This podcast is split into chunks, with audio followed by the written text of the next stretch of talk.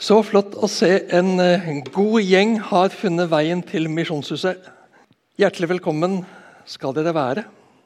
Vi skal ha andre del i denne grave dypt-serien i Jakobs brev.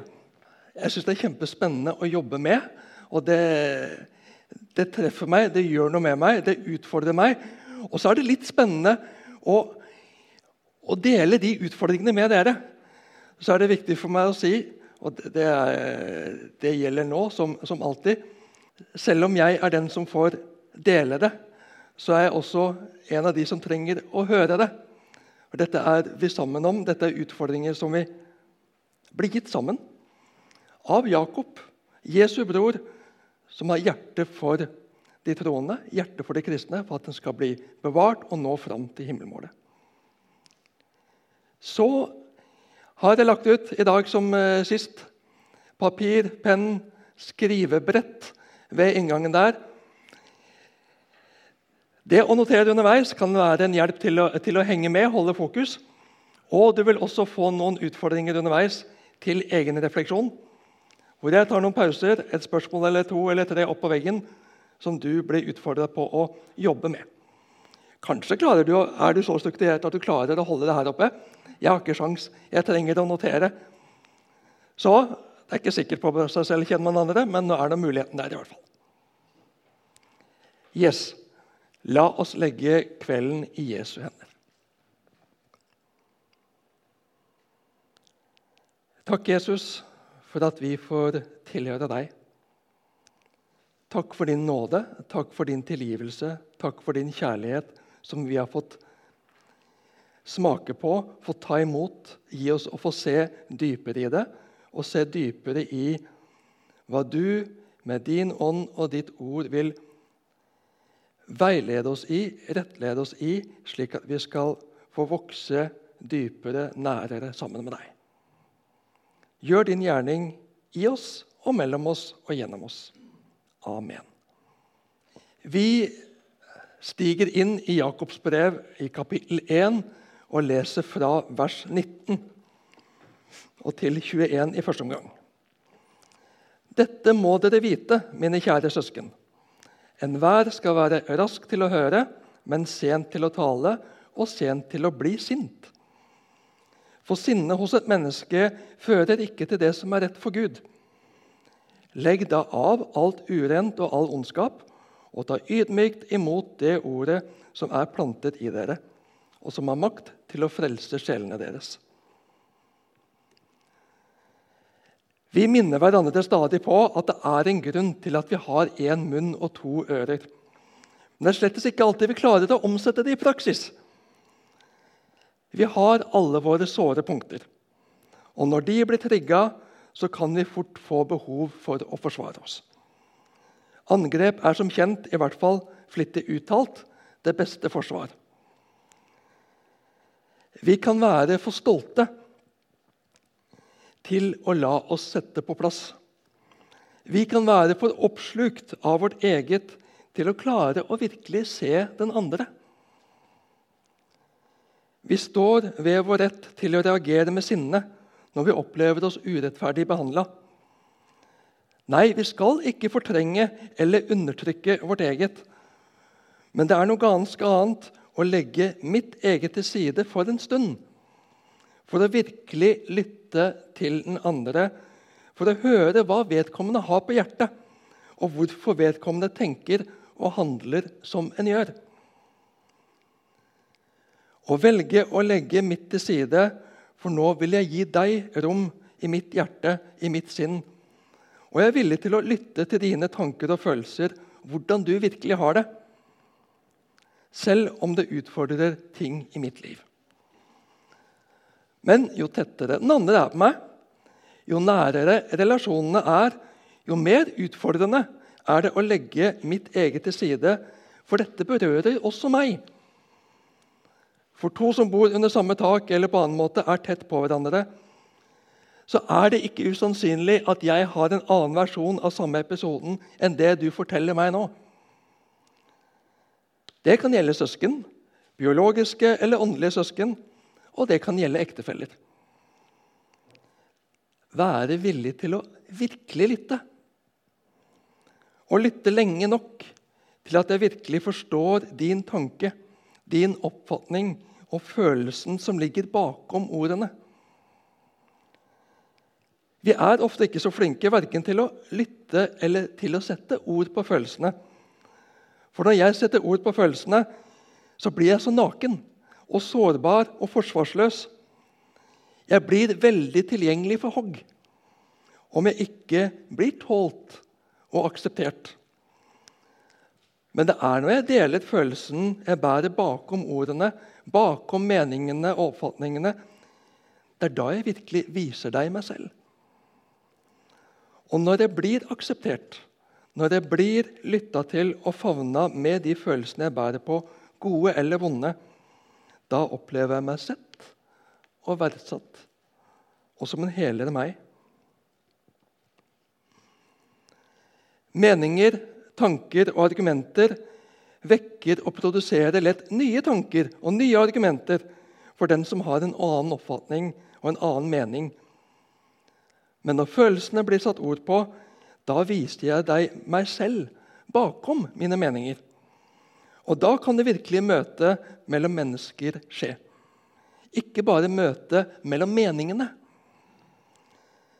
Det er lett å bli sint på en som en oppfatter som innehaver av hårreisende meninger og synspunkter. Men det er ikke så lett å bli sint på en som deler sitt hjerte og sine følelser, sine bekymringer og smerter, forhåpninger og lengsler. For da slipper en bakom garden, bakom den harde fasaden. Det blir et møte med et sårbart menneske. Og når jeg ser deg som et sårbart menneske, da er det lett å relatere til deg. For jeg er jo også et sårbart menneske. Men for å våge å være sårbar må jeg ha en viss trygghet på og erfaring av å bli tålt, å bli sett og respektert. Uten det opplever jeg meg tvunget inn i skallet mitt. Enhver skal være rask til å høre, men sent til å tale og sent til å bli sint. For sinnet hos et menneske fører ikke til det som er rett for Gud. Det er forskjell på sinne og sinne. Det er lett i vår kulturtradisjon å se ned på og fordømme sinne. At sinne nærmest er syndig. Fy, fy, du må ikke bli sint. Men Jesus ble sint og det med rette. Jesus lot sinnet komme til hef heftig til uttrykk da han renste tempelet. Hæ? Trykker jeg feil vei, da? Der, tenker jeg. Han reagerte mot urett og mot vandalisering av tempelet, selv om den hadde en religiøs innpakning. En hellig vrede, et sinne som reagerte på urett som ikke kunne tie stille mot uretten. Det er viktig, og det er riktig. Vi skal ikke dysse ned urettferdigheten med den konfliktsky begrunnelsen nå må vi ikke bli sinte her. Efeserne 4,26, der står det Blir dere sinte, så synd ikke, og la ikke solen gå ned over deres vrede. Det er ikke et forbud mot å bli sint. Noen ganger er det helt på plass å bli sint og vise det. Men sinnet må ikke ta av med meg, så jeg synder, så jeg forbryter meg mot deg eller andre. Og så er det viktig å få snakket ut og gjort opp. At ting blir tatt tak i og rettet opp. I referansen, i bibel, referansen under verset i min bibel så viser det til ordspråkene 29-20. Ser du en som lar munnen løpe av med seg, er det større håp for dåren enn for ham.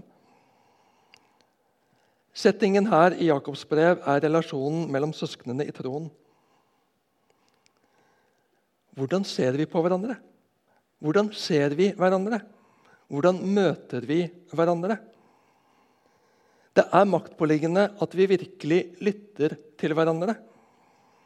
Om sinnet får rom i samtalen, evner hjerne og hjerte i veldig liten grad å ta inn de signalene ørene har potensial til å fange opp.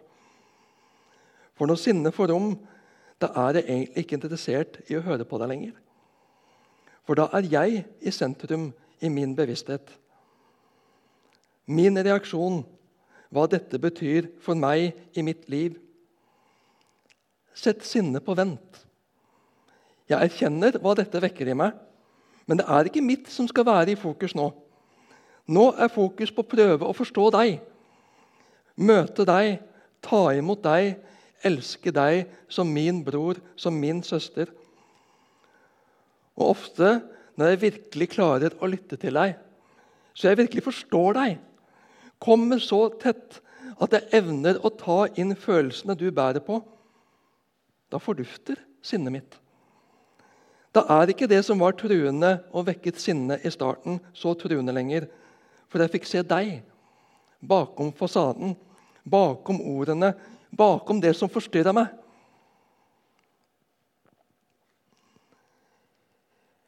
Legg da av alt urent og all ondskap, og ta ydmykt imot det ordet som er plantet i dere, og som har makt til å frelse sjelene deres.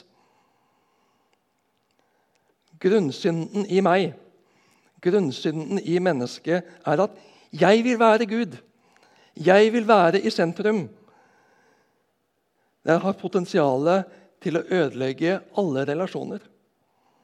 Behovet for å stikke meg fram og alltid ha rett og alltid få det på min måte, vil i sin konsekvens isolere meg fra andre mennesker. Derfor trenger jeg å lytte mer enn jeg taler. Så jeg kan se deg bakom min tanke, bakom min forestilling om deg. Holdningen 'What's in it for me?' Hva kan jeg få ut av dette? ødelegger sånn for oss. Når jeg gjør mennesker til midler for min lykke Kundene er ikke der for, kunde, for at kundebehandleren skal ha en jobb. Kundebehandleren er der for å hjelpe og møte kundenes behov. Pasientene er ikke der for pleiernes skyld men pleierne er der for pasientene. Tjenesten er ikke til for min realisering av mine gaver og talenter, men jeg har fått gaver og talenter til å tjene menigheten, til å tjene fellesskapet. Ja, jeg får tjene og ære min skaper og Herre gjennom tjenesten jeg får stå i. Men når jeg gjør mennesker til midler for min lykke, da sporer jeg av fra Guds vei, Guds vilje. Legg deg av alt urent og all ondskap. Kle det av som fillete, skitne plagg. Slik Zakaria fikk se ypperstepresten Josva ble ikledd, avkledd de skitne klærne og ikledd rene, pene klær, som vi leser om i Zakaria 3.3. Og som Johannes fikk se og fikk forklart i åpenbaringen 7.14 den store, hvite skaren. Dette er de som kommer ut av den store trengsel. De har vasket sine kapper og gjort dem hvite i lammets blod.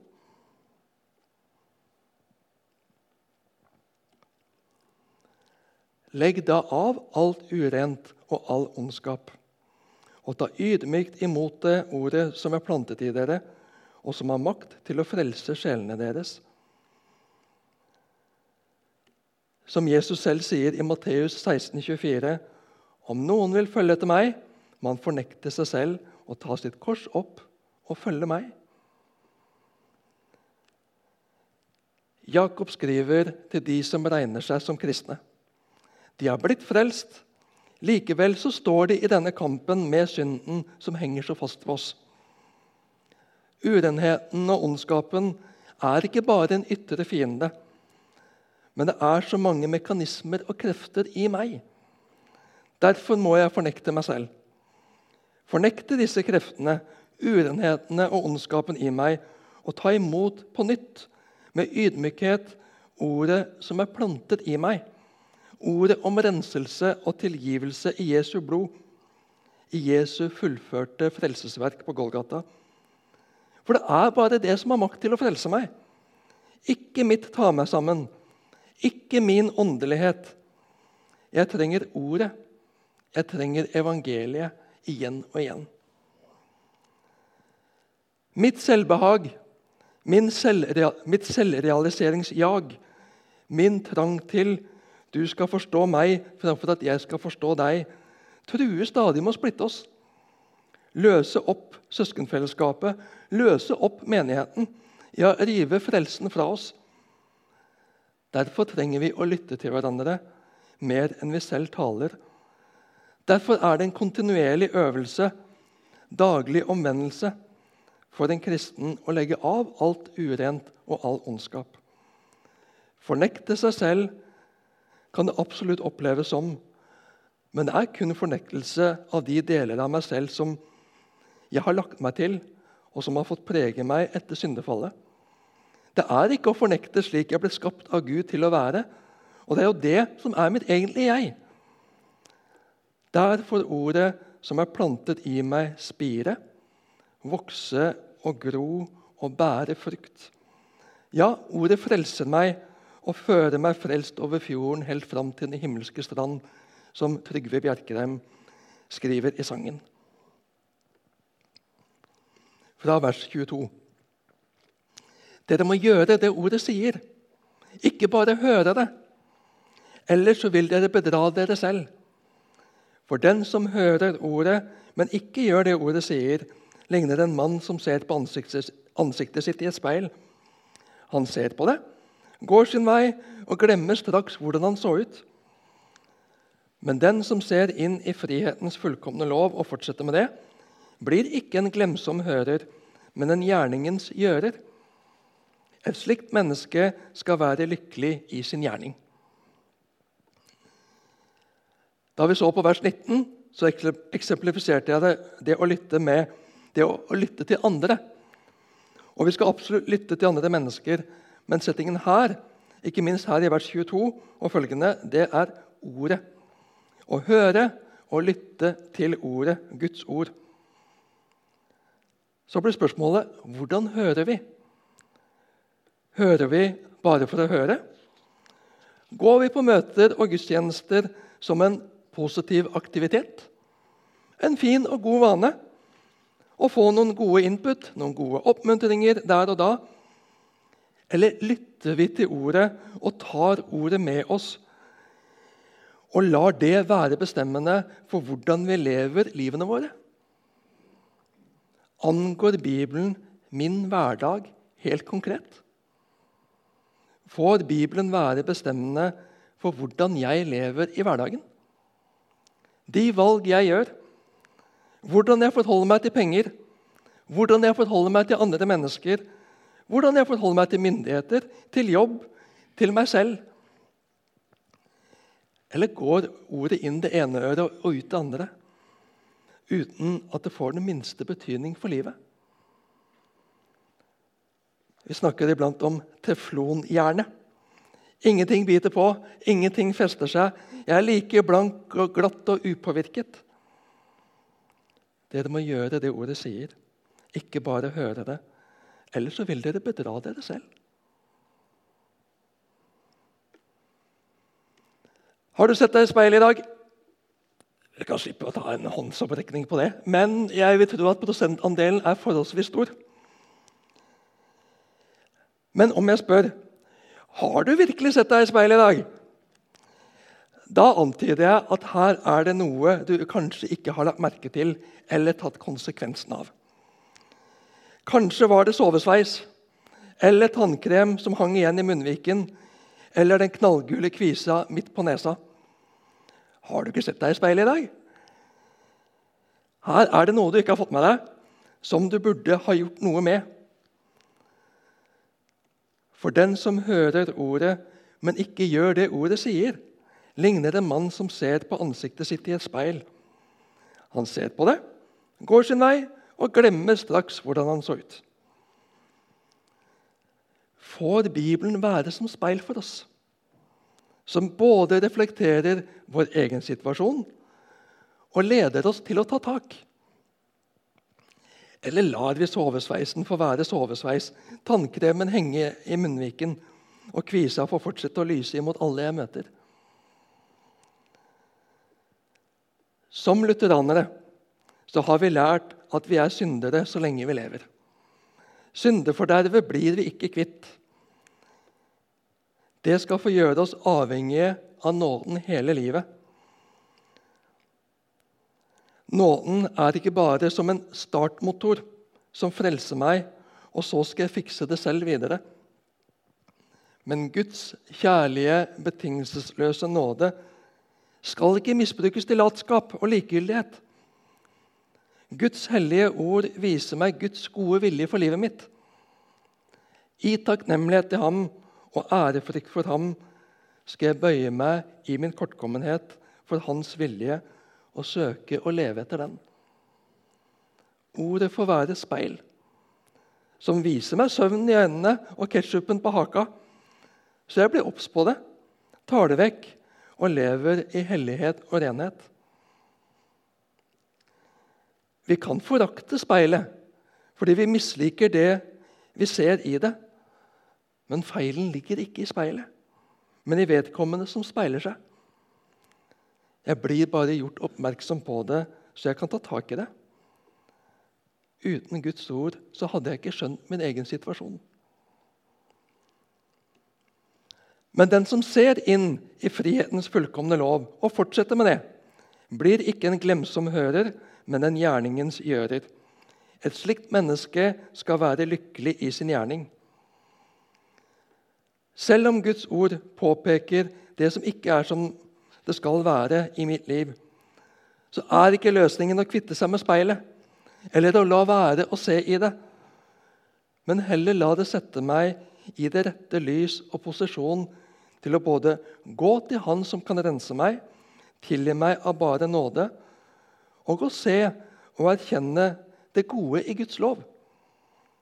Guds ord binder meg ikke. Det dømmer meg ikke først og fremst. Det frigjør meg fra synden og søvnen som henger så fast ved meg. Ved å se inn i Hans ord, Hans vilje som stråler Hans kjærlighet til og omsorg for meg, sette seg mer og mer fri fra det, det som syndelivet bandt meg til. Og sette meg i frihet i ham. Gjerningene blir ikke først og fremst for å fikse meg, for å prøve å rette opp min skade, men leve i tråd med hans vilje, som blir til velsignelse både for meg selv og for min neste. Vers 26. Den som mener at han dyrker Gud, men ikke holder tungen i tømme, bedrar seg selv, og hans gudsdyrkelse er uten verdi. Noen av oss snakker lett, snakker mye og plumper uti med det ene og det andre før en får tenkt seg om. Sånne folk kan være miljøskapere og lette å være sammen med, for en slipper den pinlige tausheten når en er sammen med dem. Men det kan også føre til at en sier noe som ikke skulle vært sagt. Og en må gå og be om tilgivelse. En kristen bekjennelse og en kjeft uten filter og kontroll er ikke uten videre noen god kombinasjon. Eller for å si det som Jakob Den som mener at han dyrker Gud, men ikke holder tungen i tømme, bedrar seg selv og hans gudsdyrkelse er uten verdi. Så er vi de vi er, med de styrker og svakheter vi har. Noe kan vi jobbe med. Andre ting er det ikke så lett å endre. Men vi skal få være avhengige av nåden og tilgivelsen også i dette. Og en løsmunnet, for å bruke et slikt uttrykk, som erkjenner sin løsmunnethet og ber om tilgivelse når han eller hun ser at her ble det feil. I ham, i henne, kan skatten likevel få skinne gjennom, gjennom sprukne kar, for å bruke et bilde Paulus bruker i 2. kor 4-7. Og Nå er det tid for en uh, liten egenrefleksjon hver for dere. I hvilke situasjoner er det vanskeligst for meg å styre min tunge? Når er det lett for meg å baktale eller bare plapre på en negativ måte? Jeg skal få ett minutt på å reflektere over det.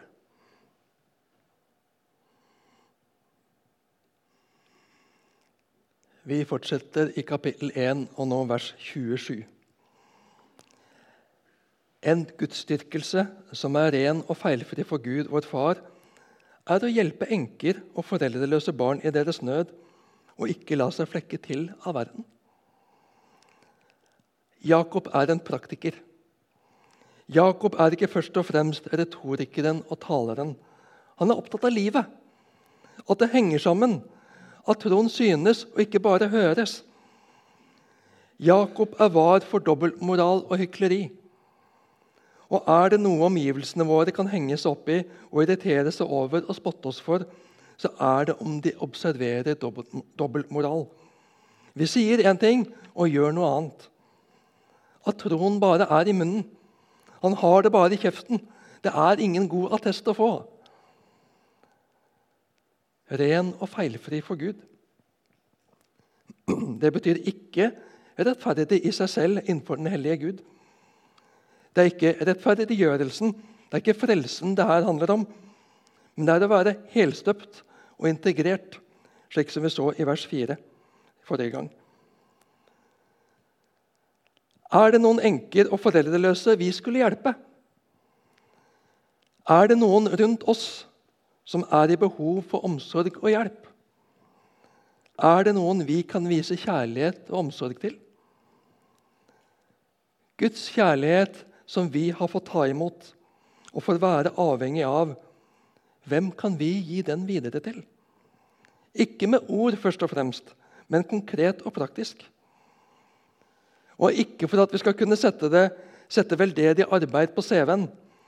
Ikke for at vi skal skinne, men for at de skal få se og oppleve Guds kjærlighet gjennom oss. Ordene er de kanskje ikke modne og mottagelige for nå, men kjærligheten, omtanken, omsorgen og hjelpen er de i behov av og vil ta imot med takk og takknemlighet. Jeg nevner CV-en, for det er en trend i noen miljøer det å ta på seg forskjellig frivillig, veldedig arbeid i noen måneder for å kunne sette det på CV-en. Det tar seg pent ut på CV-en, men da blir drivet feil. At noen tar selfier mens de hjelper fattige barn i Afrika eller flyktninger i Norge. Nei. Ordspråkene 4.23.: Bevar ditt hjerte framfor alt du bevarer, for livet går ut fra det. Jesus gikk hardt ut mot fariseerne som ba lange, fine bønner på gatehjørnene for å bli sett og beundret. De tenkte nok selv at det var deres plikt det å være gode forbilder. Men når det ytre ble drivkraften framfor hjertet for Gud og mennesker, da blir det grelt. Da blir det hyklerisk og virker mot sitt hensikt. Så blir vi aldri frie de doble og triple motivene. Mine motiver for det gode jeg gjør, blir aldri fullkomne. Skal vi vente med å gjøre det godt til motivene blir fullkomne, så får vi ikke gjort noe. Men vi skal vokte vårt hjerte, bevare vårt hjerte, leve åpent og ærlig for Gud med våre blandede motiver. Be om Hans renselse og nåde. Og da blir holdningen utad en annen også. Da blir det hjertet for den andre som blir fremtredende, mer enn mitt behov for å vise hvor god og flink jeg er. Spill for kamera avsløres før eller siden. Og når jeg er opptatt av, drevet av å gjøre godt for andre, leve for andre framfor å leve for meg selv, da får ikke verdens fristelser samme tak på meg. Drivet etter å stadig underholdes er påfallende i denne delen av verden. Mer og mer blir kjedelig, mer og mer blir platt. Så vi må ha sterkere og sterkere ting. Blir mer og mer kresen og kritisk. Men hjertet skal ikke være der. En gudsdyrkelse som er ren og feilfri for Gud, vår Far, er å hjelpe enker og foreldreløse barn i deres nød, og ikke la seg flekke til av verden. Jakob introduserer flere temaer her i starten av brevet til sine jødekristne søsken, for å komme mer, til, mer utførlig tilbake til det senere i brevet. Og nå, Før vi går inn i kapittel 2, så skal du få et refleksjonsspørsmål til. Hvem kan jeg hjelpe? Hvem kan vi hjelpe å vise praktisk omsorg i tiden som kommer? Du får ca. ett minutt på det nå.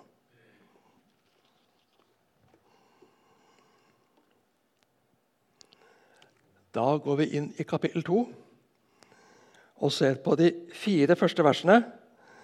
Men overskriften over de 13 første versene det er 'rike og fattige'. Mine søsken, dere kan ikke tro på vår Herre Jesus Kristus, herlighetens Herre, og samtidig gjøre forskjell på folk. Sett at det kommer to menn inn i forsamlingen deres. Den ene i staselige klær og med gullring på fingeren, den andre fattig og i skitne klær. Så legger dere merke til ham med de staselige klærne og sier, 'Vær så god, her er en god plass.' Men til den fattige, 'Du kan stå der.' Eller 'Sett deg her ved føttene mine.' Har dere ikke da skapt et skille blant dere? Er dere ikke blitt dommere med onde tanker? Da jeg leste dette, så fikk jeg flashback til en søndag i sommer. Samme søndagen så dukket det opp to karer her i Misjonshuset. Han ene kom med alle sine eiendeler i en handlekurv som han parkerte innenfor døra. Han andre kjente jeg igjen i bildet av hovedstyret. Han hadde rusla opp fra havna hvor han hadde båten fortøyd. De var på vei til GF. Hvordan møtte jeg dem? Hvordan hilste jeg på dem? Hvilken plass og hvilket rom ga jeg dem? Jeg hilste hjertelig og med glede på begge to. Flott å se dem begge to i Misjonshuset, men behandlet jeg dem likt? Var de begge like gjeve for meg? Mine søsken, dere kan ikke tro på vår Herre Jesus Kristus, herlighetens Herre, og samtidig gjøre forskjell på folk. Smekk. Der fikk jeg den i fleisen. Så skal Martin Luther ha sagt noe sånt som at du kan ikke hindre en fugl i å fly over hodet ditt, men du kan hindre den i å bygge rede på hodet ditt. Den gamle og den nye natur lever i meg som kristen. Så handler det om hva jeg gir makt, hva jeg gir kraft, hva jeg gir plass i livet. Folk er forskjellige. Livet har behandlet ulike mennesker forskjellig. Men det skal ikke vi som kristne gjøre. Så betyr ikke det at vi skal si akkurat det samme til alle. Ellers så forskjellsbehandler vi. Det betyr heller ikke at vi skal gi akkurat de samme oppgavene akkurat de samme tjenestene til alle. Ellers så forskjellsbehandler vi. Vi skal prøve å møte mennesker der de er, med de behov de har Vise i praksis at alle mennesker har samme verdi. Ingen er viktigere eller mer verdifulle enn andre. Det viser det bibelske menneskesynet veldig tydelig. Og skal vi være bibeltro, noe vi jo vil, gjerne vil være, så må det gjenkjennes hos oss. Så inviterer vi ikke hvem som helst inn fra gata for å tale eller lede i våre møter og gudstjenester. Det er heller ikke alle medlemmer som taler eller leder gudstjenester i Misjonshuset. Det handler ikke om at de ikke er gode nok, men det handler om evner og nådegaver. Hva en trives med og opplever seg å passe til. Om tillit, at en har en trygghet på at de vil formidle en lære og et innhold vi kjenner igjen som bibelsk sunt og tjenlig. Som første Nei, som Peter skriver i sitt første brev. Tjen hverandre, hver og en med den nådegave han har fått, som gode forvaltere av Guds mangfoldige nåde. Den som taler, skal se til at han taler som Guds ord. Og den som tjener, skal tjene med den styrke Gud gir. Slik skal Gud i ett og alt bli æret ved Jesus Kristus. Ham tilhører herligheten og makten i all evighet. Amen. Tilbake til Jakob 2. Mine søsken, dere kan ikke tro på vår Herre Jesus Kristus, herlighetens Herre, og samtidig gjøre forskjell på folk. Jakob skriver til sine søsken, søsken i troen. Ikke foreldre og barn, ikke ledere og medlemmer. Han skriver til søsken. De står likt, og de hører sammen. Og Det er helt grunnleggende for Jakob at livet følger av troen. Troen og livet en lever, henger sammen. Det samsvarer. Tre frie, moderne oversettelser hjelper oss å kaste lys over dette første verset i kapittel 2. New Living Translation oversetter slik My dear brothers and sisters, how can you claim to have faith in our glorious Lord Jesus Christ if you, if you favor some people over others? The message oversetter slik My dear friends, don't let public opinion influence how you, how you live out our glorious Christ-originated faith. Og En levende bok oversetter slik.: Kjære søsken, dere tror på Herren Jesus Kristus, Han som har del i Guds makt og herlighet. Bli derfor ikke imponert av den status enkelte mennesker har, men gjør likt mot alle.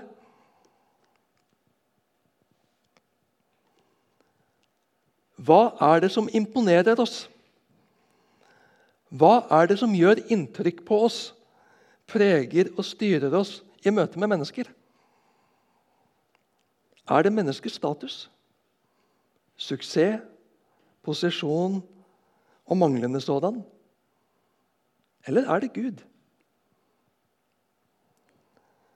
Vi ser igjen, og jeg innser at jeg gjentar meg sjøl vi ser igjen syndefallets dype skade i oss. Vi søkte å bli som Gud. Og vi står stadig vekk i fare for å behandle mennesker som guder, i betydningen de som skal ha den avgjørende innflytelsen på oss og styre våre valg og vår oppførsel. Nei, sier Bibelen. Det er avgudsdyrkelse. Det er i strid med troen du bekjenner med munnen. Det avslører at hjertet ditt har sin tiltro og lojalitet et annet sted. Du skal ikke gi mennesker den makta. De fortjener ikke den makta, og det korrumperer både deg og dem om de får den makta. Det går på sannheten og rettferdigheten løs, og kjærligheten for trange kår. Menneskeverdet for trange kår. Forrige kapittel avsluttet med å ikke la seg flekke til av verden. Jakob hadde ingen kapittelinndeling. Kapittelinndelingen ble innført på 1200-tallet, og verseinndelingen forekom for første gang i 1551. Altså, For Jakob som henger dette sammen i et logisk resonnement.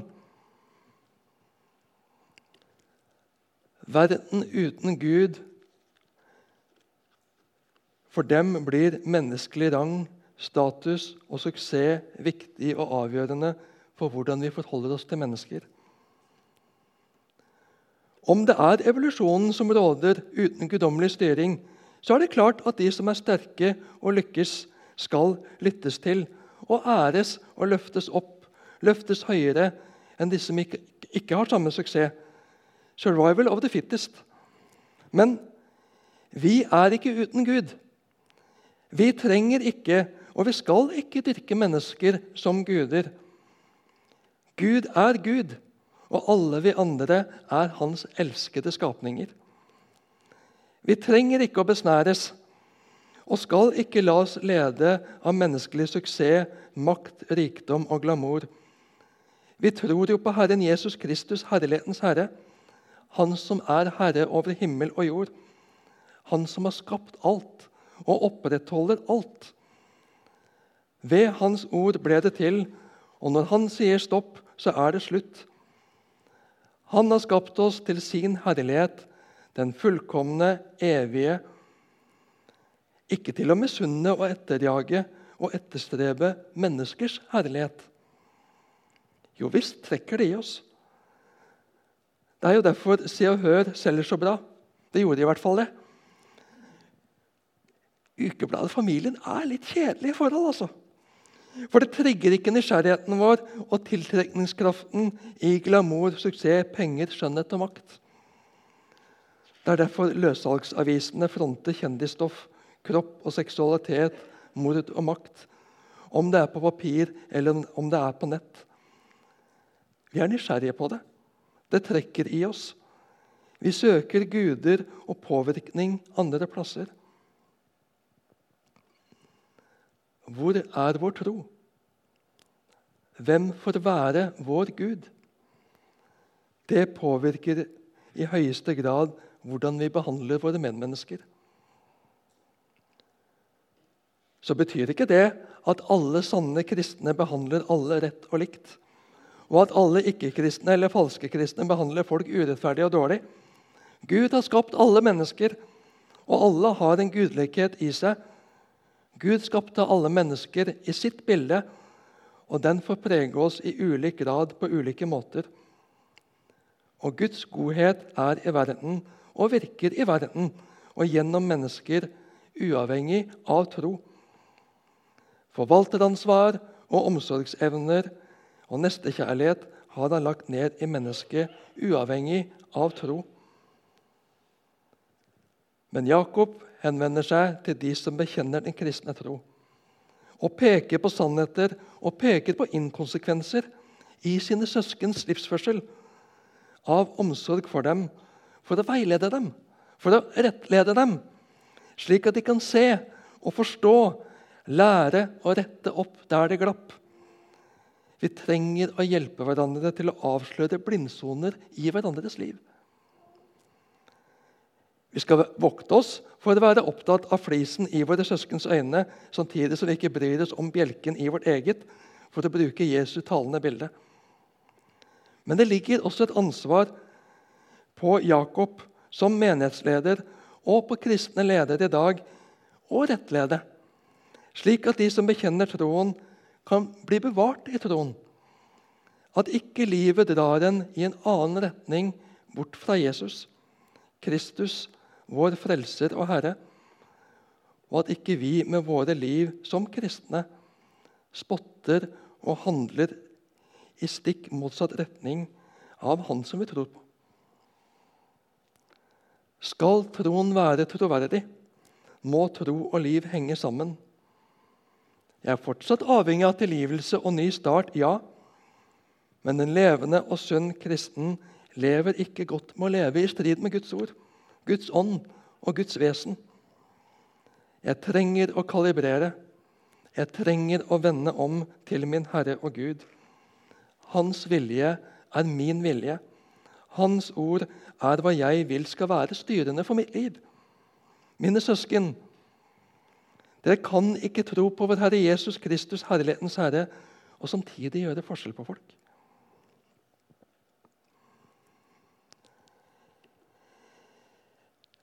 Til ettertanke en ny refleksjonsøkt. Forskjellsbehandler jeg mennesker? Mennesker i menigheten? Mennesker i familien? Mennesker i nabolaget?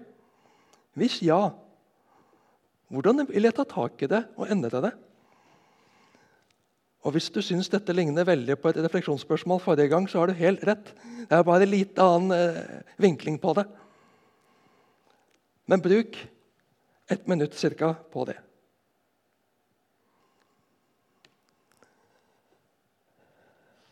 Mine søsken, dere kan ikke tro på vår Herre Jesus Kristus, Herlighetens Herre, og samtidig gjøre forskjell på folk. Sett at det kommer to menn inn i forsamlingen deres. Den ene i staselige klær og med gullring på fingeren. Den andre fattig og i skitne klær. Så legger dere merke til ham med de staselige klærne og sier, 'Vær så god, her er en god plass.' Men til den fattige, 'Du kan stå der.' Eller sett det her ved føttene mine. Har dere ikke skapt et skille blant dere? Er dere ikke blitt dommere med onde tanker? Rammen Jakob skriver inn i, er menighetssettingen. Sett at det kommer to menn inn i forsamlingen deres. Jakob bruker faktisk begrepet synagogen her. Som jødekristen til jødekristne brukte han ordet, det ordet når han skriver til sine trossøsken. Sett at det kommer to menn inn i synagogen deres, forsamlingen deres, misjonshuset deres. Forskjellsbehandling i menigheten. Forskjellsbehandling av troende kristne. Hva gjør vi egentlig om vi forskjellsbehandler troende søskene, søsken ut ifra rikdom, ut ifra suksess? Vi lar i virkeligheten juridiske, sekulære faktorer overstyre Guds ord. Overstyre Guds bud. Overstyre Guds evighetsfaktorer. Vi lar det som er av kortvarig verdi, verdi overstyre det som er av evig verdi. Vi lar mennesker defineres av vår holdning til dem vi lar, vår, vi lar, mennesker defineres over holdning til dem styres av det som er der i dag og kan være borte i morgen, i stedet for å se på dem og la oss lede av det som Gud ser på og vil, at vi skal ledes og styres av, nemlig de evige sannheter om oss.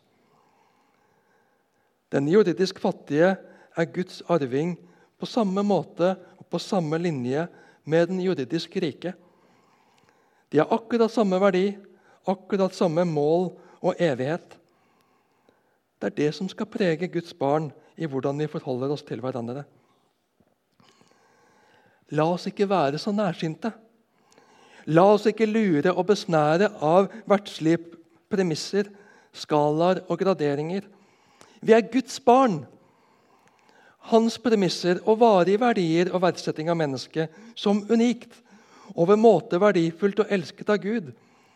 Det skal være det vi styrer og forholder oss etter i møte med mennesker. Kan vi øve oss på det? Øve oss på å se med Guds blikk på mennesker. At troen som vi har, kan få gjennomsyre mer og mer hvordan vi tenker og forholder oss til mennesker. Når det ikke er tilfellet, gjør vi oss i virkeligheten til dommere over mennesker. Når ikke Guds kriterier får være det som gir mennesket verdi og verdighet, og som er grunnlag for hvordan jeg møter dem, da er det mine kriterier og verdens kriterier, og jeg gjør meg selv til dommer. Ut ifra mitt begrensede perspektiv og mitt hjerte, som ikke er rent og godt og fullkomment. Jeg vil overlate til Gud å dømme. Derfor vil jeg forholde meg slik han forholder seg til mennesker. Det er mitt mål, det er mitt ønske, og på den sannheten vil min tro bli helere og mer konsekvent og sannferdig. Et spørsmål til før vi tar en pause. Hvordan sier min måte å forholde meg til mennesker på noe om min tro på Gud? Hvordan sier min måte å forholde meg til mennesket på noe om min tro på Gud?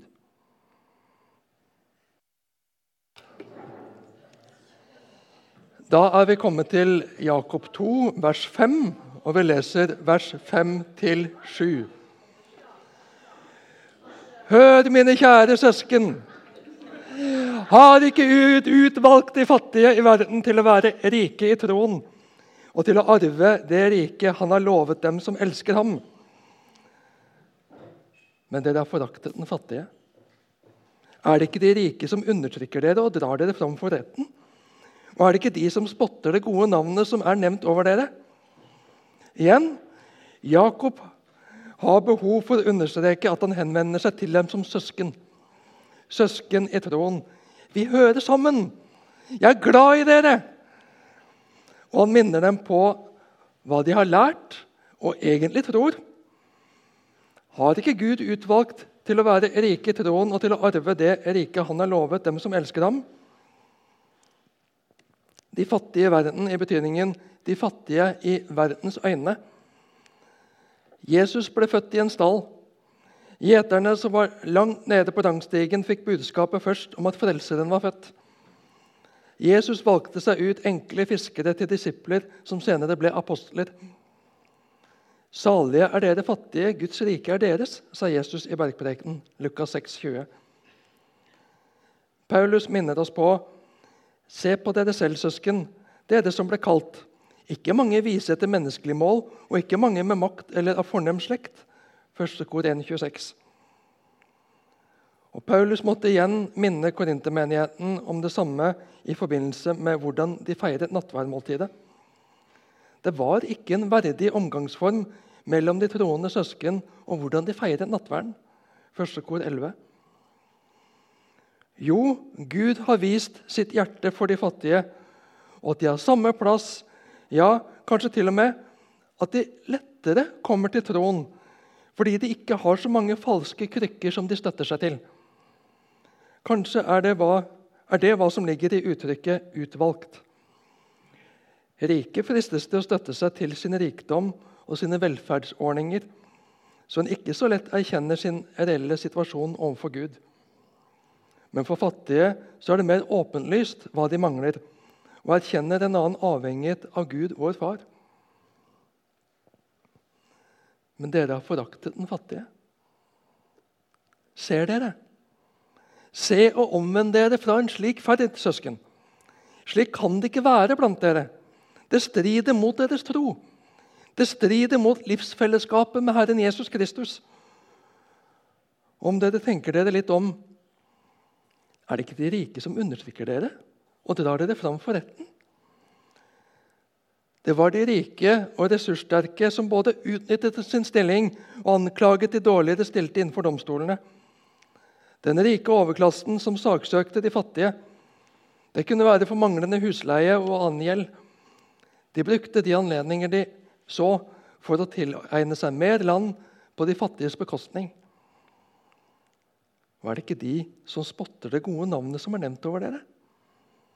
Navnet, tittelen, kristen, ble først brukt bespottelig fra de som ikke delte deres tro, men ble gjort til en hederstittel blant de som fulgte Jesus etter hvert. Hallo! Hvorfor gir dere de rike slik makt, slik status, og gir dem fordel framfor de fattige? Det er verken etter Guds tanke eller vilje eller til gagn for dere. Det er bare å dilte etter verdens tankegang og premisser. Dersom dere oppfyller den kongelige lov i Skriften, da du skal elske din neste som deg selv. Da gjør dere rett. Men gjør dere forskjell på folk, da synder dere, og loven anklager dere som lovbrytere. Så kan vi jo spørre oss, Hva mener Jakob med den kongelige lov i Skriften? Noen har ment at det sikter til Toran, altså Moseloven. Det står i 3. Mosebok 1918b.: Du skal elske din neste som deg selv. Jeg er Herren.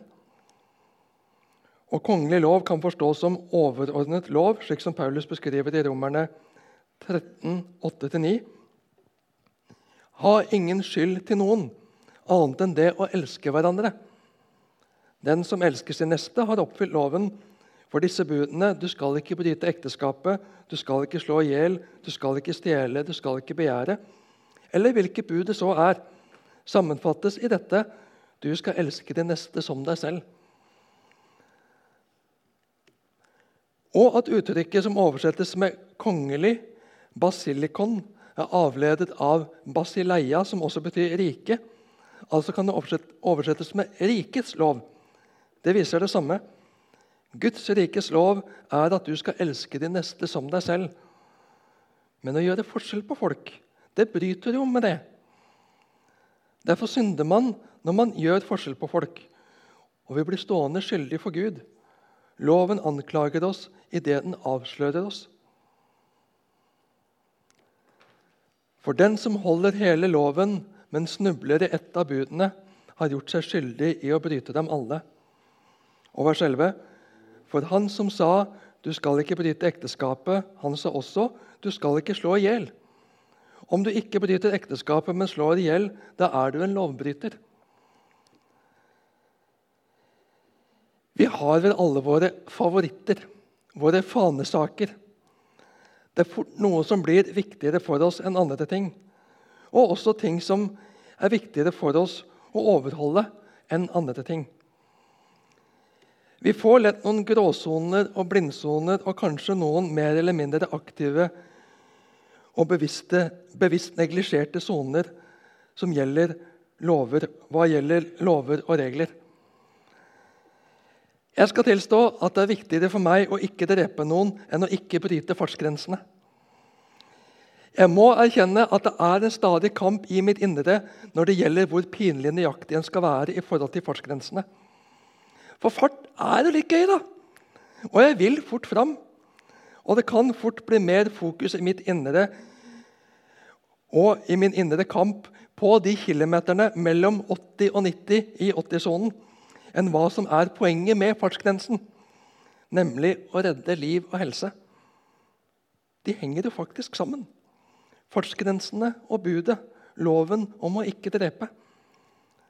Det blir fort perifert i min bevissthet, må jeg tilstå. Og slik er det med loven, i betydningen Guds lov også. Folkereligiøsiteten prøver ofte å slå seg til ro med at 'jeg gjør så godt jeg kan', det får da være godt nok. Da må jo Gud være fornøyd med meg. Men da setter vi i realiteten en lavere standard overfor Gud enn overfor Norges lover. Og Det er jo et tankekors. Det er jo ikke slik at om en holder åtte av ti av Norges lover, så er det greit, så er det godt nok. Nei, vi er forplikta på alle. Og vi er selv forplikta på å kjenne dem. Og slik er det overfor Gud også. Vi kan ikke velge oss ut de budene og reglene og formaningene i Bibelen som gir mening, som vi opplever viktige, og så kutte ut resten og tenke at det får være godt nok. Det får være innafor. Nei, det er jo en kortslutning. Snubler vi i et av budene, så er vi lovbrytere. Da er vi skyldige overfor Gud. Og, og hva var det vi snakket om? Jo, hvordan vi behandler folk. Om vi forskjellsbehandler folk. Om vi elsker vår neste, om han eller hun er rik eller fattig. Lik meg eller rake motsetningen til meg. Jakob går oss inn på klingen, som han gjorde i brevet til sine kristne søsken i sin samtid. Lever du det du tror på? Lever du som du lærer? Eller gir du med ditt liv de utenfor vann på mølla til å spotte de hykleriske, dobbeltmoralske kristne? Det avgjørende er ikke hva du sier, hva du hevder deg å tro, men hva du gjør i praksis. Livet viser hva du i virkeligheten tror på og lar deg styre av. Mine søsken, dere kan ikke tro på vår Herre Jesus Kristus, Herlighetens Herre, og samtidig gjøre forskjell på folk. Jakob oppsummerer etter frihetens lov skal dere dømmes. Etter den skal dere tale og handle, for dommen skal være ubarmhjertig mot den som ikke har vist barmhjertighet, men barmhjertigheten triumferer over dommen. Frihetens lov. I kapittel 1, vers 25 så skrev Jakob den som ser inn i frihetens fullkomne lov og fortsetter med det, blir ikke en glemsom hører, men en gjerningens gjører. Gud gir oss ikke loven for å binde og begrense oss, men for å sette oss fri til å leve slik vi var skapt til å leve. Guds ord og formaningene vil frigjøre oss fra instinktene og mekanismene våre som er preget av synden i oss og rundt oss, og sette oss i retning av det livet vi ble skapt til å leve.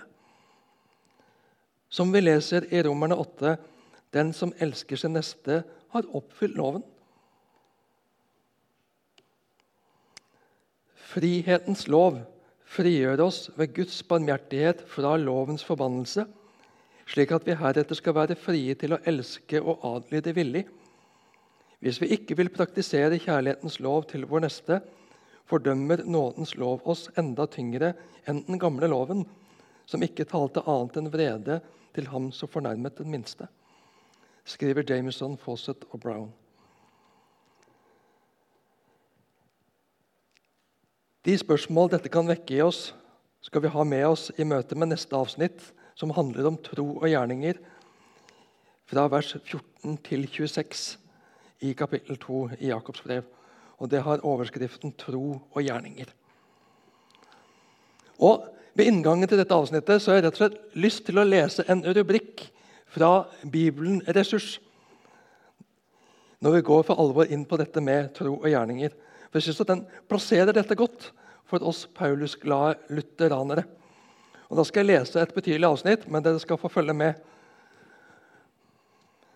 på veggen. Der står det Den store reformatoren Martin Luther var forkjempet for læresetningen om frelse ved tro alene. Og han følte aldri velbehag ved Jakobs brev. Han kalte det for et brev fullt av halm i forordet til sin 1522-utgave av Det nye testamentet. Og han plasserte boken i et tillegg. Han foretrakk Paulus sin uttrykksmåte når det gjelder forholdet mellom tro og gjerninger. Et menneske blir rettferdiggjort ved tro uten lovgjerninger. Romerne 3, 28. På en måte var dette en vanskelig sak for Luther. Han var omgitt av mennesker som sa at gode gjerninger kunne frelse deg, han visste at bare Gud kunne frelse ved troen alene, og hans oppgave var å fortelle dem det. Men Luther gikk for langt da han plasserte Jakob som et tillegg til Det nye testamentet. Verken tro eller gjerninger kan bli kuttet ut og kastet bort. Jakob siktet til snyltere, slike som mente at de ikke hadde noe bruk for gode gjerninger siden de hadde tro. Realiteten er at, deres, at dersom du har tro, vil gjerninger naturlig bli en følge av loven, av troen. Du kan ikke kvitte deg med gjerninger bare fordi det ikke frelser deg. Du kan ikke skille resultatet fra årsaken. Akkurat som et epletre vil bære fram epler, slik vil troen bære fram gode gjerninger. Paulus hadde det motsatte problemet i tankene da han skrev romerbrevet. Han siktet til slike som satte sin lit til egne gode gjerninger, og ikke til Gud. Det er grunnen til at Paulus skrev et forsvar for troen. Og det er grunnen til at Luther foretrakk dette framfor Jakobs forsvar for gode gjerninger. Tro og gjerninger er ikke fiender. Sann tro og rettferdige gjerninger går hånd i hånd. De er to deler av Guds verk i oss. Troen bringer en person til frelse, og gjerninger er en frukt av det nye, gudskapte livet hos den som tror. Troen er årsaken, gjerningene er resultatet. Jakob trodde det, og det gjorde Paulus også. Og Med den introduksjonen så skal vi begynne å lese dette avsnittet fra kapittel 2, vers 14 og til vers 17 i første omgang. Hva hjelper det, søsken, om noen sier at du har tro, at han har tro når han ikke har gjerninger, kan vel troen frelse ham? Sett at en bror eller søster ikke har klær og mangler mat for dagen, og en av dere sier til dem, 'Gå i fred, hold dere varme og spis dere mette.' Hva hjelper det dersom dere ikke gir dem det kroppen trenger? Slik er det også med troen. I seg selv, uten gjerninger, er den død. Vi merker oss at Jakob igjen har behov for å vise at det er søsken, troende søsken han skriver til. Det er ikke de ufrelste, det er ikke de utenfor. Han skriver til dem som hører til menigheten. Hva hjelper det søsken om noen sier at han har tro når han ikke har gjerninger? Kan vel troen frelse ham? Vi kan komme til skade for å bruke troen som en attest som vi viser fram, og slår oss til freds, til ro med det. Vi bekjenner frimodig trosbekjennelsen i gudstjenesten. Yes, dette tror jeg på. Dette er den kristne bekjennelse, og da er jeg en kristen. Men livet bærer ingen spor av at Jesus lever i ham eller henne. Vi snakker noen ganger om en intellektuell forsantholdelse i hodet som ikke har seget ned i hjertet. Det er ikke liv. Det er død teori. Troen på Jesus er ikke en intellektuell tilslutning til en teori. Troen på Jesus er tillit til Jesus. Overgivelse til Jesus. Avhengighet av Jesus og etterfølgelse av Jesus. Troen har bein, også hos den som er lam fra livet og ned, eller har amputert begge beina. Troen har like fullt bein.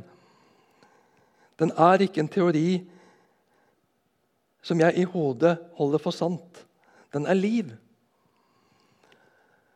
Troen er ikke noe vi har, forkynner Jakob, men tro er noe som har oss.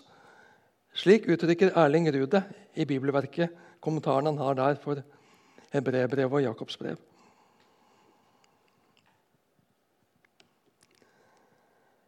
En tilslutning til en kristen teori, en forsantholdelse av en kristen læresetning, frelser ingen. Det er når jeg inviterer Jesus inn i mitt hjerte og liv til å være min Herre og Frelser, da blir jeg renset, ren. Da blir jeg tilgitt. Da blir jeg et Guds barn. Tro er ikke noe en aksepterer i hodet først og fremst, men en relasjon med Jesus. Takk for at du døde til soning for mine synder, Jesus. Tilgi meg. Rens meg. Jeg kommer til deg. Jeg vil følge deg.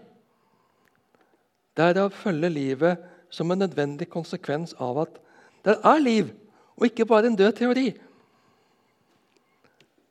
Erling Ruud igjen. Hva nytter det om en sier at han har tro? Vår neste kan ikke se at vi har tro, for den er vendt mot Gud. Munnens vitnesbyrd er ikke nok.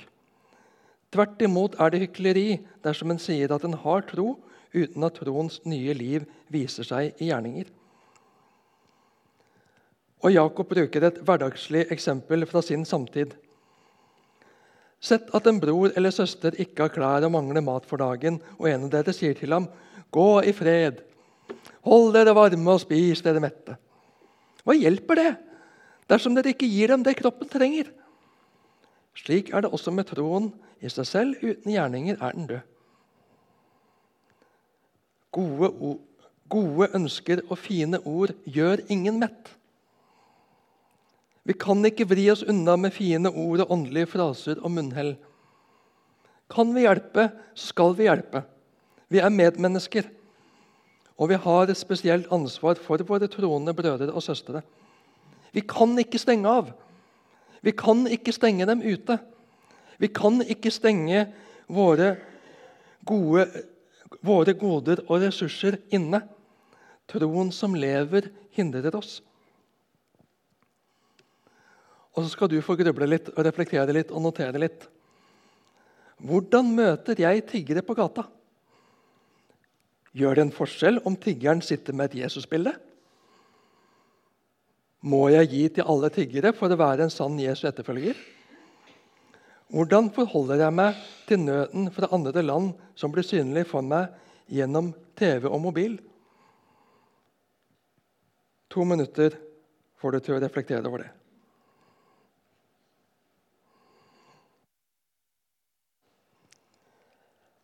Jeg syns dette er utfordrende. Jeg syns det er vanskelig å gi konkrete svar både til meg sjøl og til dere. Jeg gir ikke til alle tiggere, men til enkelte iblant. Jeg lar meg ikke imponere av plakater med bilde av Jesus. Noen tiggere spiller på vår samvittighet, og noen er falske tiggere. Men jeg tror at sistnevnte kategori er svært få. Men de kan potensielt ødelegge for svært mange om vi lar dem gjøre oss harde og kyniske. Da tror jeg det er en bedre strategi å samle glødende kull på deres hoder, for å bruke bilder fra Romerne 12, om å hjelpe sin uvenn. Falskheten skal få være deres problem, som de skal stå til ansvar for. Det skal ikke få forherde mitt hjerte. Det er bedre å gi til en for mye enn til en for lite. Nøtene som presenteres for meg gjennom media, utfordrer meg. En kan bli slått i bakken av all nøten, men det hjelper ingen. Jeg er redd det er en større fare for mange av oss at vi etter hvert ikke lar oss berøre, at vi blir kalde og distanserte.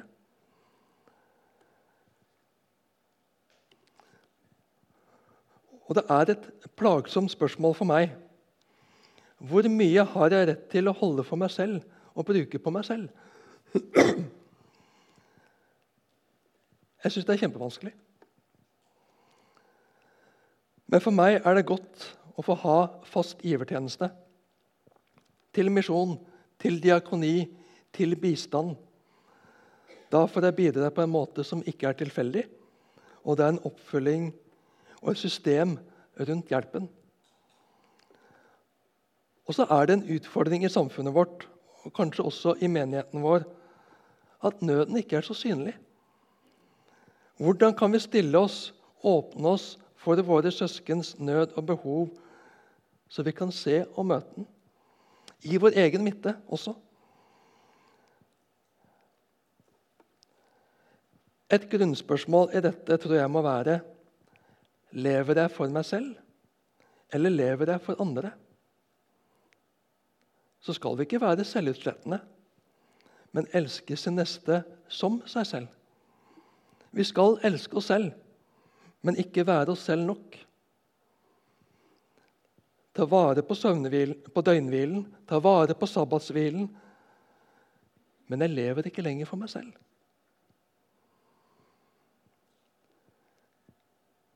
Vers 18. Kanskje vil noen si, 'Du har tro, jeg har gjerninger.' Vis meg din tro uten gjerninger, så vil jeg ut fra gjerningene vise deg min tro. De kan ikke skilles. Vi kan ikke skille årsak og virkning. Det ene kommer av det andre. Så er ikke faktorenes rekkefølge likegyldig. Gjerningene må få være frukt av troen, ikke noe jeg skal prestere for å tilfredsstille Gud eller demonstrere tro. Det blir falskt og overfladisk. Og uttrykksmåten sier noe i seg selv. En skilter med tro eller gjerninger. Se hva jeg har! Se hva jeg er! I et samfunn hvor folk skal realisere seg selv og selge seg selv, om det er i arbeidsmarkedet som jobbsøker eller gjennom sosiale medier, så blir det lett skeivt. Det blir fasade, hvordan jeg framstår. Det snakkes om omdømmebygging. Men det blir så feil. Verken tro eller gjerninger er noe vi skal vifte med eller skilte med. Det er livet som i seg selv skal vise troen og gjerningene. Det som lever, kommer til uttrykk. Ikke noe jeg skal skilte med for å bli likt, for å bli akseptert, for å bli funnet god nok. Må livene våre skape nysgjerrighet og takknemlighet i folk rundt oss. Hva er det som driver deg? Det er noe godt og annerledes over deg. Det er fantastisk å få sånne sånne spørsmål. Noen ganger så får vi noen vitnesbyrd som viser oss noe verdifullt. For den som har levd i et kristent miljø all sin dag, så er det ikke nødvendigvis så synlig. Men jeg har hørt et par som har fortalt meg i nyere tid mennesker som ikke har vært kristne hele livet. Da de kom inn i en menighet, da de kom inn i et kristent miljø, så var det en omsorg. Folk brydde seg om andre. Det var noe annerledes og godt til forskjell fra miljøet en hadde vært en del av. En Kristi vellukt.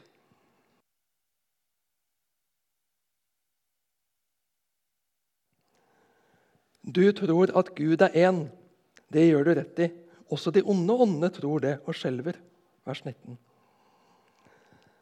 Det er et stort gode å tro at Gud er én.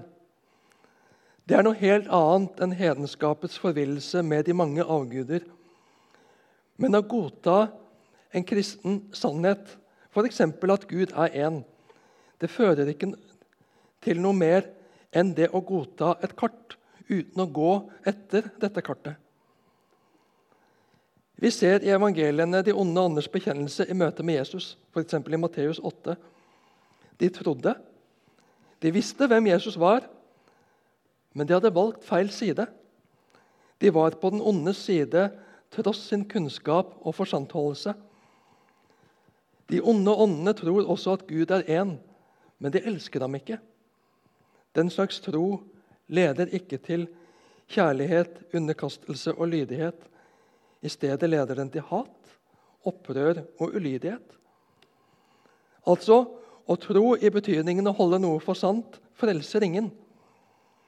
Tvert imot, det kan gi en bevissthet om det motsatte.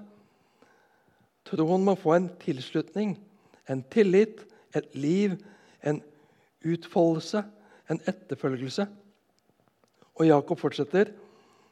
Du tankeløse menneske vil ikke innse at tro uten gjerninger er til ingen nytte. Handlinger, ikke ord, viser hvor hjertet befinner seg. Så er det et interessant resonnement som følger. For det er ganske motsatt av slik Paulus argumenterer i Galaterne 3, 6 og følgende og Romerne 4. Men som sagt, utgangspunktet og poenget er fra hver sin side. Var det ikke pga. gjerninger at vår far Abraham ble kjent rettferdig da han bar fram Isak, sønnen sin, som offer på alteret? Slik kan du se at troen virket sammen med gjerningene hans, og gjennom gjerningene ble troen fullendt. Dermed ble dette skriftordet oppfylt. Abraham trodde Gud, og derfor regnet Gud ham som rettferdig. Og han ble kalt Guds venn. Var det ikke pga. gjerninger at vår far Abraham ble kjent rettferdig da han bar fram Isak, sønnen sin, som offer på alteret? Også Jakob lærer rettferdiggjørelse ved tro. Han siterer 1. Mosebok 15,6 i vers 23, som helt klart knytter tilregningen av rettferdighet, dvs. Si frelsen, til Abrahams tro. Mange tenker at det er en motsetning mellom Paulus og Jakob i det de skriver om Abraham. Men forklaringen er nok at Paulus taler om rettferdiggjørelsen som skjer i det øyeblikk et menneske kommer til tro på Guds løfter. Mennesket blir da rettferdiggjort for Guds domstol ved tro alene. Mens Jakob tenker på det som skjer etterpå, livet i troen. Dersom ikke troen fører til troens gjerninger, er det bare en forstandstro. En tro som også de onde åndene har, som vi så i vers 19. Og en forstandstro er en død tro, som vi så i vers 17. Jameson, Fawcett og Brown uttrykker det slik i sin kommentar James must mean by works the same thing as Paul means by faith, only that he speaks of faith at its manifested development, whereas Paul speaks of it in its germ. Abraham's offering of Isaac was not a mere act of obedience, but an act of faith. Jakob må mene med gjerninger det samme som Paulus mener med tro, bare at han snakket om troen ved sitt manifesterte uttrykk, mens Paulus snakket om dens kime eller spire. Abrahams ofring av Isak var ikke bare en handling av lydighet, men en handling av tro.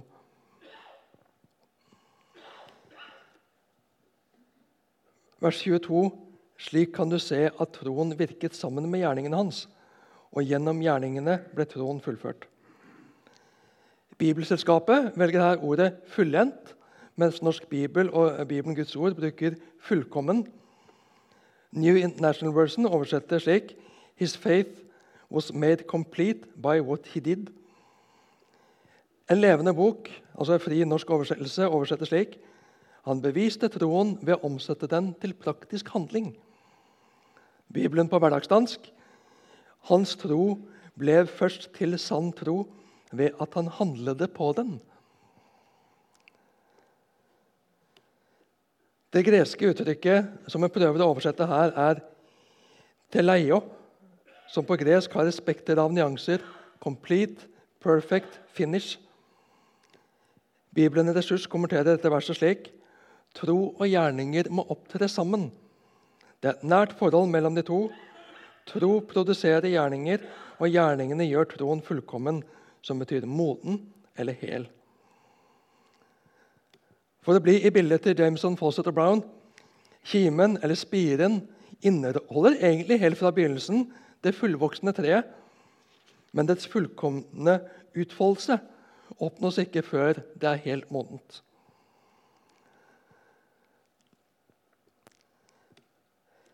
Vers 23. Dermed ble dette skriftordet oppfylt. Abraham trodde Gud, og derfor regnet Gud ham som rettferdig, og han ble kalt Guds venn. Her skriver Jakob det ut i fulltekst, det som både han og Paulus utleder sin teologi ifra, altså 1. Mosebok 15,6. Abraham trodde Herren, og derfor regnet Herren ham som rettferdig. Og uttrykket 'Guds venn' det henter nok Jakob ifra eller kanskje fra eh, andre krønikebok, 27, der vi leser Var det ikke du, vår Gud, som drev innbyggerne ut av dette landet for ditt folk Israel og ga det til din venn Abrahams ett for alltid? Og Isaiah 41, 41,8.: Men Israel, du min tjener Jakob, som jeg har utvalgt, du etling av Abraham, min venn. Og Disse bygger kanskje på vendingen vi finner i 1. Mosebok 18, 17. Da tenkte Herren, skulle jeg skjule for Abraham hva jeg ville gjøre? Gud kunne og ville ikke skjule for Abraham hva han ville gjøre. Både velsigne ham og hans ett og dømme Sodoma og Gomorra. Gud behandler Abraham som en nær, fortrolig venn. Og Jeg må innrømme at jeg syns at Abraham han var modig. Eller jeg vet, jeg vet ikke om Vågal eller ufin er det som passer best når han som et syndig menneske nærmest går i forhandlinger med Gud. Hvis det er 50 rettferdige, vil du da spare byen, Gud? Og Når han får samtykke på det, så justerer han, pruter han nærmest. Hva med 45? Hva med 40? 30? 20? Hva om det er 10 rettferdige, Gud? Abrahams omsorg for menneskene og trygghet på og fortrolighet med Gud kommer fantastisk sterkt til syne. Guds venn. Og vi ser at Også Jesus bruker uttrykket 'venner' i Johannes 15, 14. Dere er mine venner hvis dere gjør det jeg befaler dere. Jeg kaller dere ikke lenger tjenere, for tjeneren vet ikke hva Hans Herre gjør. Jeg kaller dere venner. For jeg har sagt dere alt jeg har hørt av min far. Dere har ikke utvalgt meg, men jeg har utvalgt dere og satt dere til å gå og bære frukt, frukt som varer. Da skal Faderen gi dere alt det dere ber om i mitt navn. Dette er mitt bud til dere. Elsk hverandre. Igjen ser vi troens konsekvenser, troens frukt, troens utfoldelse, troens livskime, som viser seg i at vi elsker hverandre på tvers av grupper og sosiale lag i fellesskapet. Den levende troen som ikke bare er en teoretisk forstandholdelse, men som preger livet, ja, hele holdningen, livsinnstillingen til sine omgivelser. Vers 24. Dere ser altså at mennesket kjennes rettferdig pga. gjerninger og ikke bare pga. tro. En litt morsom sak her som kommer tydeligst til uttrykk på engelsk. Ifølge Blomberg og Camel er dette den eneste gangen i Det nye testamentet at de tre ordene 'ved tro alene' dukker opp uten inngripende materiale. Det uttrykket er den beste greske oversettelsen av reformasjonens postulat 'sola fide', troen alene. Men dette er nøyaktig det motsatte av hva Jakob selv argumenterer for her. Og de kommenterer Augustin løser kanskje best denne spenningen mellom Paulus og Jakob i spørsmålet om tro og gjerninger når han skriver Paulus sa at et menneske blir rettferdiggjort ved tro uten lovens gjerninger, men ikke uten de gjerningene Jakob taler om. Altså troens konsekvenser, troens frukter, til forskjell fra å skulle oppfylle noen lovparagrafer som Paulus argumenterte så tydelig mot. For vi, som det står i Romerne 3, 28, for vi hevder at mennesket blir rettferdig ved tro uten lovgjerninger. Og jeg kan ikke dy meg for å ta med flere eh, sitater på hvordan ulike teologer forklarer denne utfordringen mellom Paulus og Jakob. Og Blir det overload, kobl ut. Syns du det er fascinerende, så heng med. Joakim Jeremias han skriver Paulus snakker om kristen tro, tillit til Jesus og jødiske gjerninger ved å adlyde loven for å rettferdiggjøre seg selv, mens Jakob refererer til jødisk tro, ren monoteisme, og kristne gjerninger, gode gjerninger som kommer fra frelse. Eller som Francis Gensch, eller hvordan han uttales, pent formulerer det Paulus har å gjøre med obstetrikk, hvordan nytt liv begynner. Jakob har imidlertid å, å gjøre med pediatri og geriatri, med hvordan kristent liv vokser og modnes og eldes. Det Jakob beskriver som sluttresultatet av rettferdiggjøring som bringer en person til modenhet eller fullføring ved å bruke verbet til leio, erkjenner Paulus i Filipperne 1,6 når han uttrykker sin tillit til at den som begynte en god gjerning i deg, skal bære den videre til fullføring fra det beslektede epiteleio inntil Kristi Jesu dag. Romano Penna uttrykker det slik. Tilbake til Jakob. Nå kapittel 2, vers 25. Og Han har enda et eksempel for å ut, uh, utbygge det, forklare dette. Var det ikke slik med Rahab også? Hun som var prostituert. Hun ble kjent rettferdig pga. gjerninger fordi hun tok imot utsendingene og slapp dem ut en annen vei. Jakob oppsummerer og kommer med et nytt eksempel. Først brukte han deres respektable trosfar i deres egen ett, Abraham, som var en rik mann. Nå bruker Jakob denne fattige, trolig uglesette kvinnen, Rahab, som var av fiendefolk, og som levde et umoralsk liv, men som likevel lot sin tro komme til uttrykk, og som ble til redning for henne. Hun tok imot de israelittiske spionene som kom til Jeriko. Hun gjemte dem for byens vakthold. Hun smuglet dem ut, og hun bandt den røde snoren i vinduet som avtalt. Rahab viste en tro som var i strid med hennes folks tro, og en handling som opplevdes forræderisk og illojal av sine egne etnisk sett. Men troen på Gud trumfet etniske og nasjonale bånd. Begge to, Abraham og Rahab, er eksempler for oss på tro som lever og får praktisk utslag i livet. For som kroppen er død uten ånd, er troen død uten gjerninger. Vers 26. Kroppen kan være så hel og intakt den bare vil, men uten ånd så er det ikke liv. Likeledes er det med troen uten at den gir seg uttrykk i livet, er den død. Erling Rød skriver døden viser seg ved mangel på legemlig aktivitet og den døde tro er uten troens aktivitet i gode gjerninger og praktisk hellighet. Martin Luther skal ha sagt like lite som ilden kan være uten hete og røk, like lite er troen uten kjærlighet. Med dette sluttfører svaret på spørsmålet som ble reist i kapittel 2, vers 14. Kan vel troen frelse ham? Svaret gjennom alle argumentene og eksemplene fra 2.14 til 2.26 har vært et rungende nei. Tro som ikke åpenbarer seg i gjerninger, i en endret livsstil som ærer Gud og søker Hans hjerte for verden, er død, livløs, arbeidsløs og verdiløs.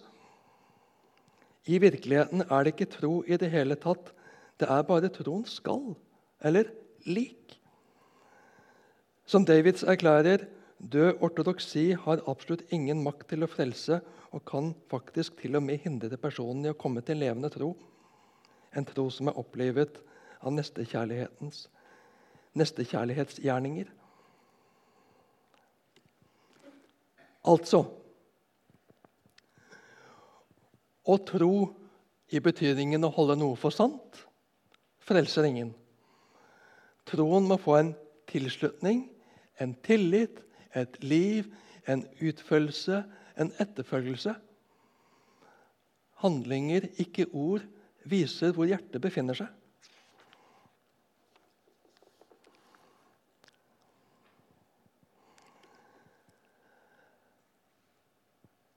Hvordan møter vi vårt samfunn som vil gjøre troen til en privatsak som ikke angår det offentlige livet? Hvordan kommer min tro til uttrykk i mine lojalitetsvalg? Hvem er jeg lo lojal mot, og hvilke praktiske konsekvenser får det? Bruk et minutt på å reflektere for deg sjøl over det. Nå skal dere få slippe til. Jeg skal ikke spørre om hva dere har svart på det forskjellige. Det er, det er for deg.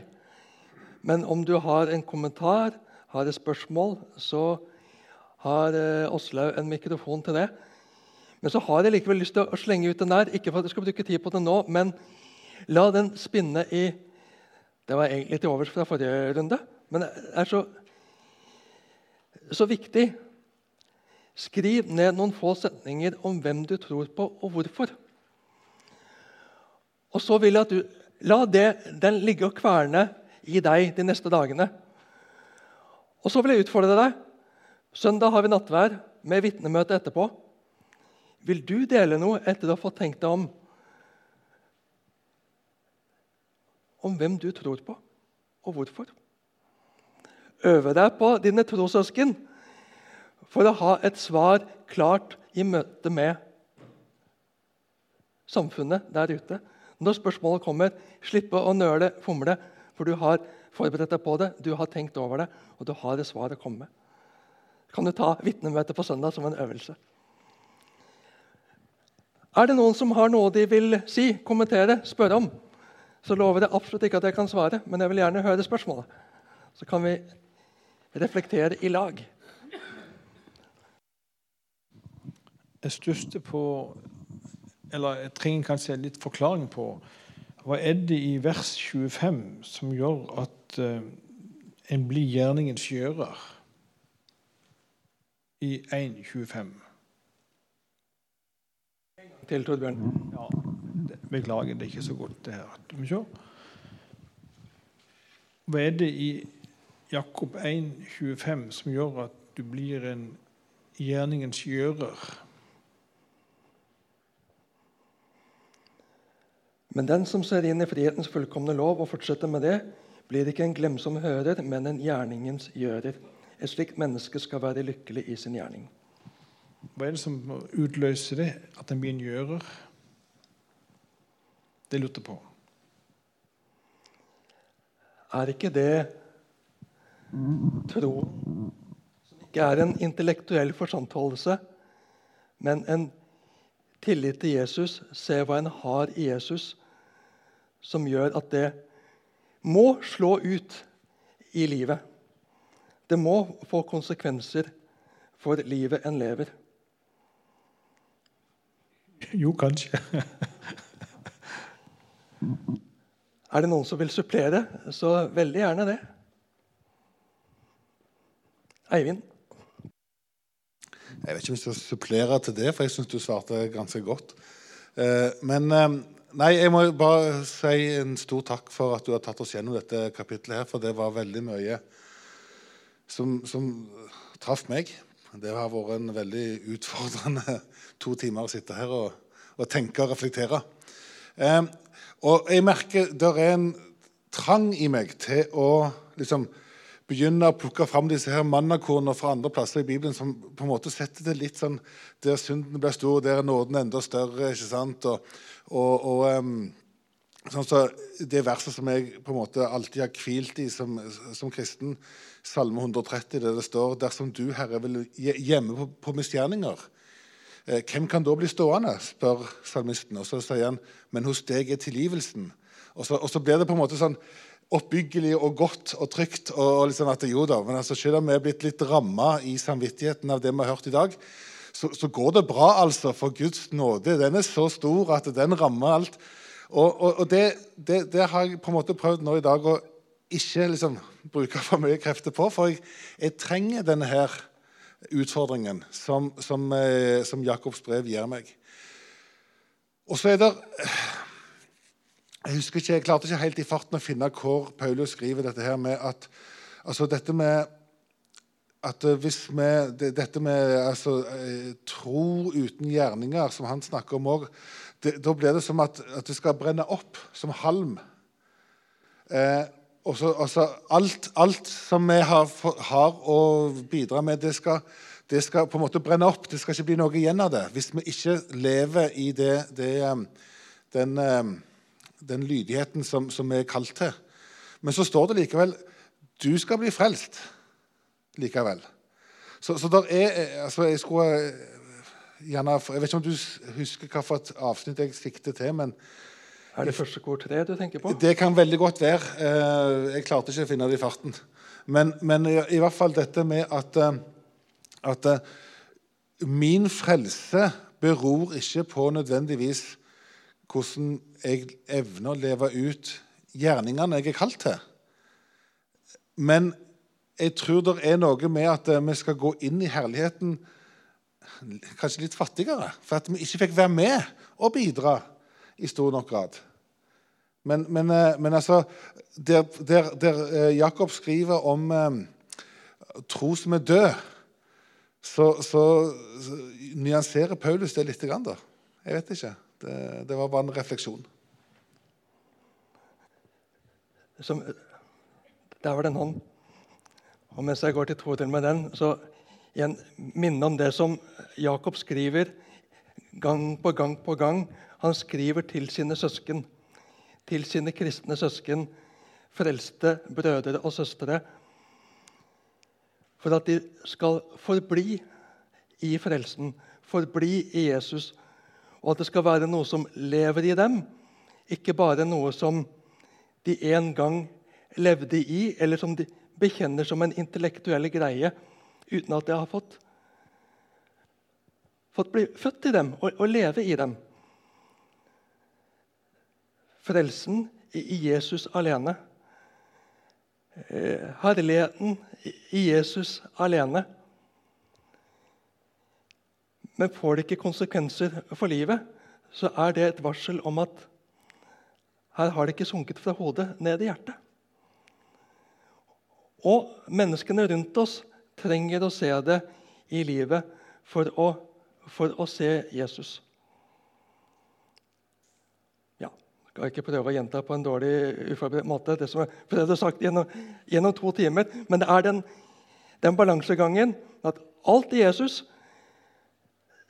Samtidig som vi ikke skal være late lutheranere, eh, for å bruke det uttrykket. Toril? Jeg syns at Jesus har brukt eh, noen ligninger som er veldig eh, illustrerende. Og det er det med vintre og greinene. At jeg er vintre, det er greinene. Vi skal være i Kristus. Vi skal være i Guds ord. Eh, og også den der fortellinga om CD-jorda.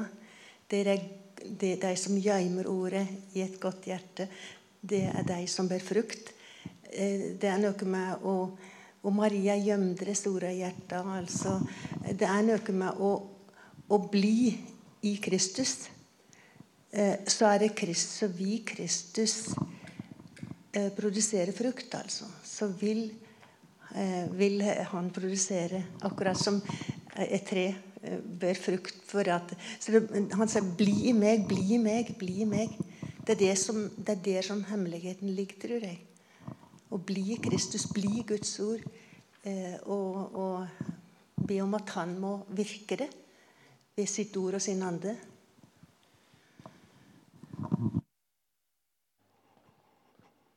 Sofia. Er det flere som vil si noe, så gi tegn mens hun snakker. Og så er klokka bikka ni, så vi går, går mot en landing. Prøv å være kort. Nei. Det, det var ikke til deg, det var til til alle andre. Ja. Um, jeg bare jeg tenkte på litt nå jeg har lest i en bok av Tim Keller eh, som kalles 'Preaching'.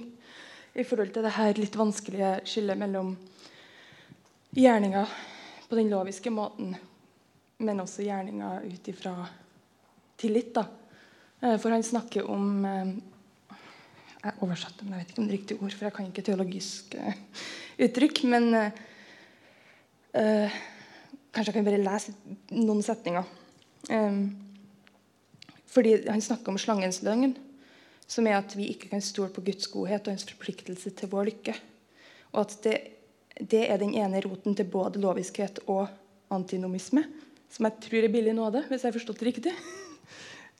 Um, Altså at de gjerningene som vi som frelste gjør, er jo ikke ut ifra å nå opp til å fortjene Guds litt motvillige velsignelse.